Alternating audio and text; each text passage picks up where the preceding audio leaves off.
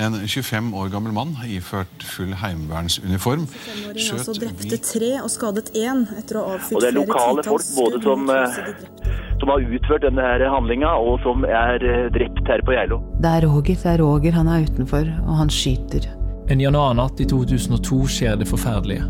Da trodde jeg at noen var ute etter å drepe meg. ja. Med et heimevernsvåpen løsner Roger Schetzer skudd mot et hus på Geilo og dreper tre mennesker og skader én. Jeg håper jeg slipper ut herifra med livet i behold. Hvordan reagerer lille Geilo på det som skal vise seg å være den groveste voldshendelsen i Hallingdal etter andre verdenskrig? Og hvordan kommer man seg videre? De kom med kritikk. Via andre fikk jeg kritikk. At de sier sånn, de sier sånn. Dattera mi måtte slåss i skolegården for å forsvare pappas ære. Roger Schetzer tar sitt eget liv samme natt, men hvem var han egentlig?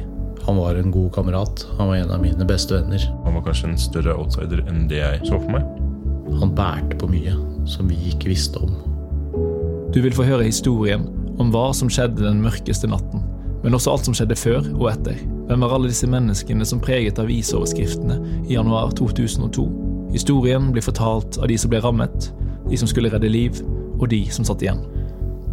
Det er litt sånn Shit.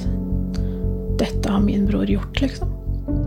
Hallingdølens podkast, trippeldrapet på Geilo, kommer snart der du hører dine podkaster.